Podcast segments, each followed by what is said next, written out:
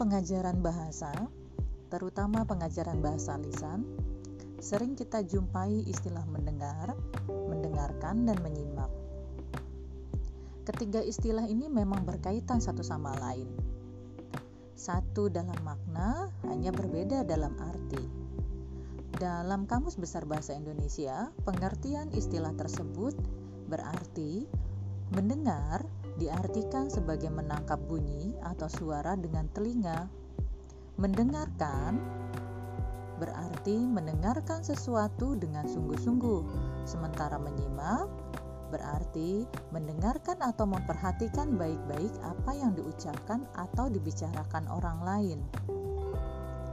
Menurut Tarigan, menyimak adalah suatu proses yang mencakup kegiatan mendengarkan bunyi bahasa, mengidentifikasi, menginterpretasi, menilai, dan mereaksi atas makna yang terkandung di dalamnya.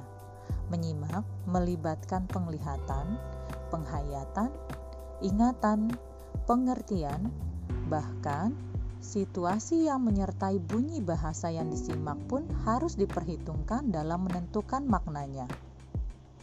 Sementara menurut kami Jan dan Suyono, Menyimak adalah suatu proses mendengarkan lambang-lambang bahasa lisan dengan sungguh-sungguh, penuh perhatian, pemahaman, apresiatif yang dapat disertai dengan pemahaman makna komunikasi yang disampaikan secara nonverbal. Keterampilan menyimak merupakan salah satu keterampilan berbahasa yang penting dan telah diperoleh seorang anak bahkan sejak dalam kandungan ibu. Menurut Ahadia, Menyimak mencakup mendengar dan mendengarkan. Kegiatan menyimak diawali dengan kegiatan mendengarkan dan diakhiri dengan pemahaman apa yang disimaknya.